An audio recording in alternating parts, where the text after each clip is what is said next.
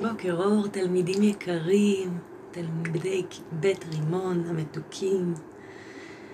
מקווה שעבר עליכם לילה טוב. האמת שאני הרגשתי שישנתי ממש טוב הלילה ולא התעוררתי בכלל, בכלל, בכלל. וקמתי היום בבוקר, היה לי קצת פחות קר. אני לא יודעת אם אתם שומעים, אני הדלקתי לי תנור, כי עדיין מאוד קר, אולי פחות קר מאתמול, אבל ככה זה מרגיש לי שפחות קר מאתמול, אבל עדיין קר. אני אכבה את התנור, תשמעו, תוכלו לשים לב להבדל. עכשיו כיביתי אותו. אבל עד עכשיו הייתי עם תנור, כי באמת קר, קר, כל כך קר. וכמו שאמרתי לכם אתמול, לנו קר, אבל הרקפות מאושרות, מאושרות, מאושרות. הן כל כך זקופות. הראש שלהם עדיין מכופף, אבל הן זקופות, והן נראות רעננות, וטוב להן בקור. גם הרקפת שלנו, הרקפת היפה שרותם מביא לנו הלבנה, אני שמתי אותה בחוץ, כדי שגם היא תקבל קור. אז אה, גם היא נהנית עכשיו וגדלה ומתפתחת לה.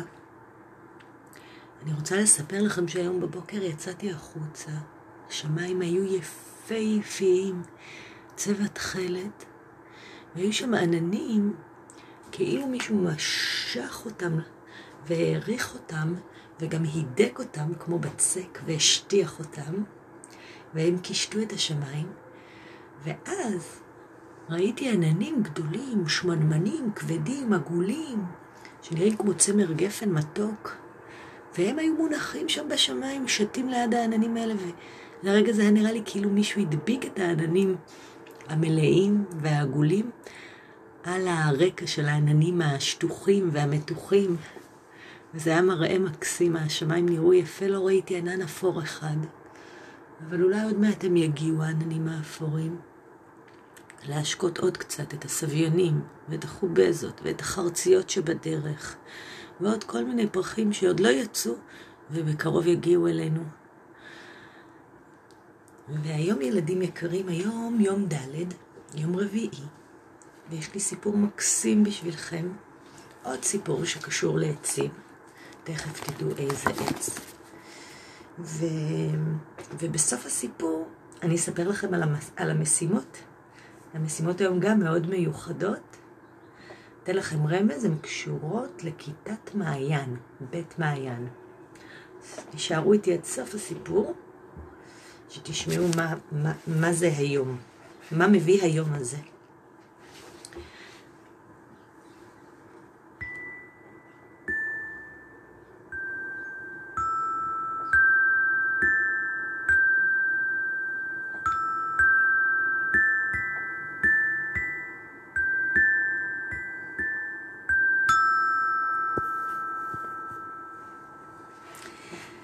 לפני שנים רבות מאוד, מלך חורף עז על הארץ.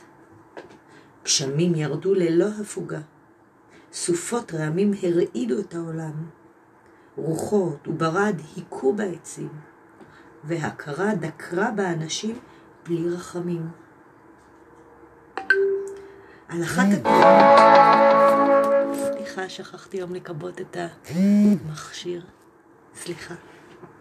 על אחת הגבעות גדל עץ כליל החורש, והוא צעיר ורך. העץ היה גאה מאוד בגזעו, המוצק, ובצורת הגביע שהקנו לו ענפיו. אך הוא הרבה לסבול מהקרה ומהרוחות שצלפו בו החורף. עירום ורועד עמד העץ בשיפולי הגבעה, כי נשרו עליו בשלכת, ומעט מתרמיליו החומים נותרו עליו מהשנה שעברה, אבל הם לא הצליחו לחמם אותו. יום אחד, לאחר ימי גשם רבים ואפורים, הציצה מעט השמש מבין העננים, ואחת מקרניה נגעה קלות בענפי העץ. חיממה וליטפה אותו, ומגעה נעם לו מאוד. אנא קרן של שקיעה, הישארי נא עמי הלילה, כי מגעך מחמם ומלטף, ואני כמעט קפאתי פה בקור הנורא. אמר העץ לקרן השמש הסגולה. רוצה אני להישאר איתך, אמרה קרן האור, אבל אני ואחיותיי, הקרניים האחרות, עומדות תכף לשקוע בים, לשנת הלילה שלנו. ואם מאחר לחזור, לא אוכל להיכנס עם אמי ועם אחיותיי לים ולהתכסות איתן בשמיכת המים הנעימה. והחושך הקודר והשחור עלול להמיתני.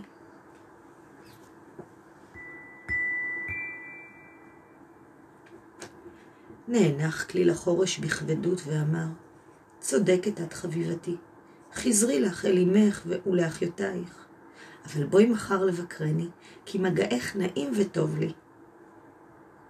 חלפו ימים אחדים, ובכל יום באה קרן השמש, קרן האור הסגולה, לבקר את ידידה העץ, כי נקשרה נפשה בנפשו. היא דאגה לחממו ולהגן עליו מהרוחות ומהכפור הנורא. אך בערב מיהרה הקרן לחזור ולהתכסות עם אחיותיה בשמיכת המים לפני בוא החושך. יום אחד גבר מאוד הקור העז. טיפות הגשם קפאו בדרכן אל האדמה והיו לגרגירי ברד גדולים. והשמש התחבאה מאחורי העננים הכבדים. כל היום לא באה קרן האור לבקר את העץ, ורק בערב, דקות אחדות לפני רדת הלילה, הצליחה הקרן לחמוק ולבוא אל ידידה וללטף מעט את ענפיו. מהרי קרן אור קטנה שלי, וחזרי אל אמך ואל אחיותייך, כי עוד מעט ירד החושך על הארץ, והוא עלול להמית אותך, קרא העץ בבהלה. לא אוכל לסלוח לעצמי אם תקפא בקור הנורא הזה, אמרה הקרן, ונשארה ללטף ולחמם את העץ הקטן והעירום. בינתיים בא החושך על הארץ, והשמש החלה לשקוע בים האפור. אך קרן השמש הסגולה נשארה ליד העץ, והוסיפה לחממו במעט החום שנותר בה. השמש הלכה ושקעה, ובנותיה, הקרניים אחרות, שקעו עמה. החושך העמיק לרדת על הארץ, ועטף בזרועותיו השחורות את הים, את הארץ, את קרן האור הקטנה, ואת כליל החורש של הגבעה.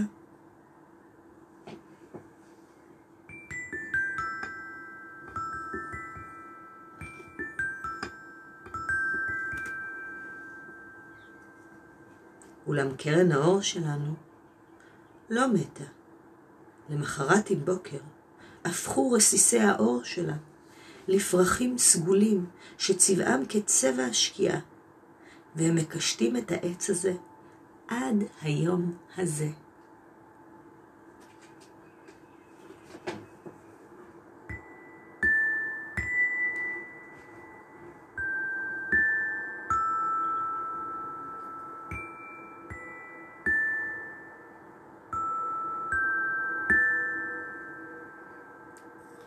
סיפור מקסים על עץ כליל החורש.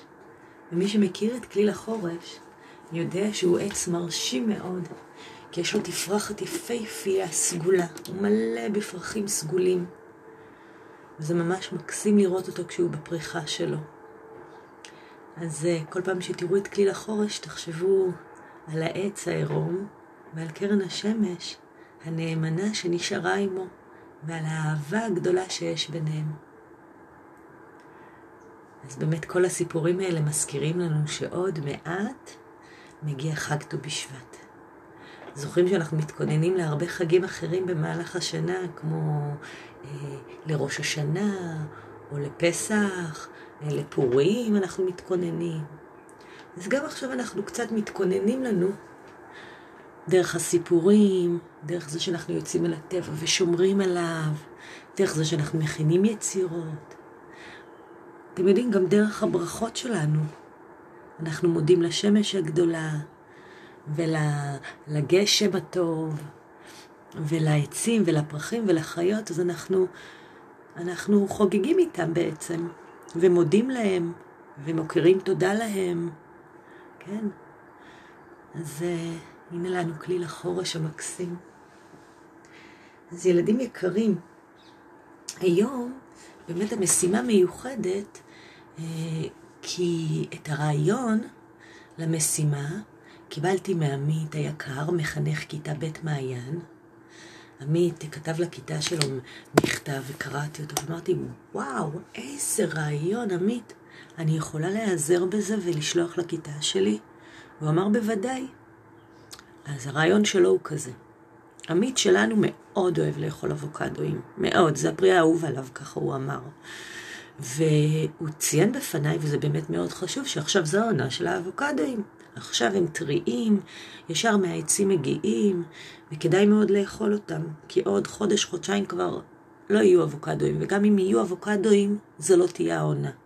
וכדאי מאוד לאכול פירות וירקות שהם בעונה. הם הרבה יותר מזינים וטובים. אז עמית היקר שלח מתכון לסלט אבוקדו טעים, ואני בטוחה שגם לכם יש כל מיני מתכונים לסלטים של אבוקדו, לממרחי אבוקדו, אז אתם גם מוזמנים לשלוח ונפרסם לכל הקבוצה. וחוץ מהמתכון, וזה חלק, אה, וזה חלק חשוב, ש, שכשאתם מכינים את הסלט אבוקדו, אתם שומרים בצד את הגרעין שלו. עכשיו, מה עושים עם הגרעין? עם הגרעין אנחנו אה, שוטפים אותו. אה, אחרי זה נעזרים באימא ואבא. הנה, אני פותחת את הדף עם ההוראות. אנחנו נעזרים באימא ואבא אה, לחתוך אותו לחצי. כי גרעין האבוקדו בעצם הוא, הוא, די רך. יצא לכם להנביט גרעיני האבוקדו? לשים אותם בצנצנת ולראות אם הם משרישים? אז קודם כל זו גם אפשרות אחת, לנסות אה, אה, לעזור לגרעין הזה אה, לנבוט ולהצמיח שורשים וגבעול שיהפוך אחר כך לגזע, אבל זה מתחיל עם גבעול עדין ודק. אז אפשר להנביט אותו, ואפשר מגרעין האבוקדו לפסל כל מיני דברים. הוא רך, הוא נוח, הוא קטן, הוא לא גדול מדי, וזה יוצא פשוט מקסים.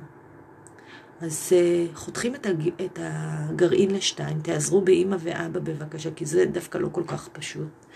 ואז עם סכין, מתחילים לקלף את הקליפה של הגרעין. לגרעין יש קליפה. קליפה אה, גסה וקשה, חומה. אז אותה אפשר לגרד, ואז uh, um, מכל חצי אנחנו בעצם ניצור איזשהו טיליון. אוקיי? עכשיו, את הטיליון הזה אפשר לעשות איתו הרבה דברים. אפשר לעשות איתו שרשרת, אפשר לעשות איתו מין אה, טיליון מתלה כזה, כמו למחזיק מפתחות, או לתלות אותו על תיק. אבל... אה, אז, אז מה שאנחנו מתחילים לעשות עם חצי אחד שאנחנו עובדים איתו, אנחנו מסמנים לנו מקום שבו אנחנו נעשה חור, בקצה, בקצה הצר יותר. נכון? הגרעין אבוקדו נראה קצת כמו טיפת מים. אז בחלק העליון, איפה שהטיפה צרה יותר, שם אנחנו נעשה חור.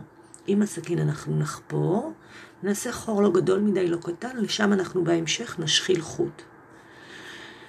אז אנחנו נעשה לנו את החור, ואז עם עט אנחנו נצייר צורה של לב במרכז הגרעין. אחרי שיש לנו את צורת הלב, אנחנו נתחיל לגלף עם סכין מסביב לצורת הלב. נתחיל לגלף את, ה, את הדפנות, ככה שהלב יהיה בולט, ומסביב אנחנו נגרע, נוריד חתיכות מהגרעין. אז נשאר עם הצורת לב. בחצי השני אנחנו נעשה את אותה צורת לב, אבל הפעם אנחנו נ, אה, נגרע מהלב עצמו. זאת אומרת שייווצר שקע וכל הדפנות תהיינה בולטות. ואז תראו איזה יופי, זה ממש כמו שתי חתיכות שמתחברות אחת לשנייה. הלב נכנס לתוך השקע של הלב. הלב הבולט נכנס לתוך השקע של הלב. אז אני גם שולחת סרטון למי שצריך עזרה. אפשר לעשות המון דברים עם גרעין האבוקדו, לא רק טיליונים, אפשר גם לפסל כל מיני צורות. אז אני מקווה שתהנו מהעשייה הזאתי. אמ, אני לא מקווה, אני יודעת שאפשר ליהנות. אני כבר שמרתי לי שני גרעינים, והיום אני הולכת לאכול עוד שני אבוקדואים כדי שיהיו לי עוד שני גרעינים, ואני אוכל לעשות עם הבנות את הדבר הזה, או לפחות לנסות לעשות. אמ, זה לשתי אה, משימות להיום, ואני רוצה גם אה, אה, להזכיר לכם להתאמן קצת על החלילית, ולהציע לכם ללמד את אמא ואת אבא את השיר, או של הבלוט. נכון? את, ה, את הבלוט הנחמד, את אחד השירים שאלה לימדה אותנו. ללמד את ההורים, ואתם תנגנו והם ישירו. זה יכול להיות מאוד נחמד, בסוף אתם תעשו הופעה ביחד למשפחה.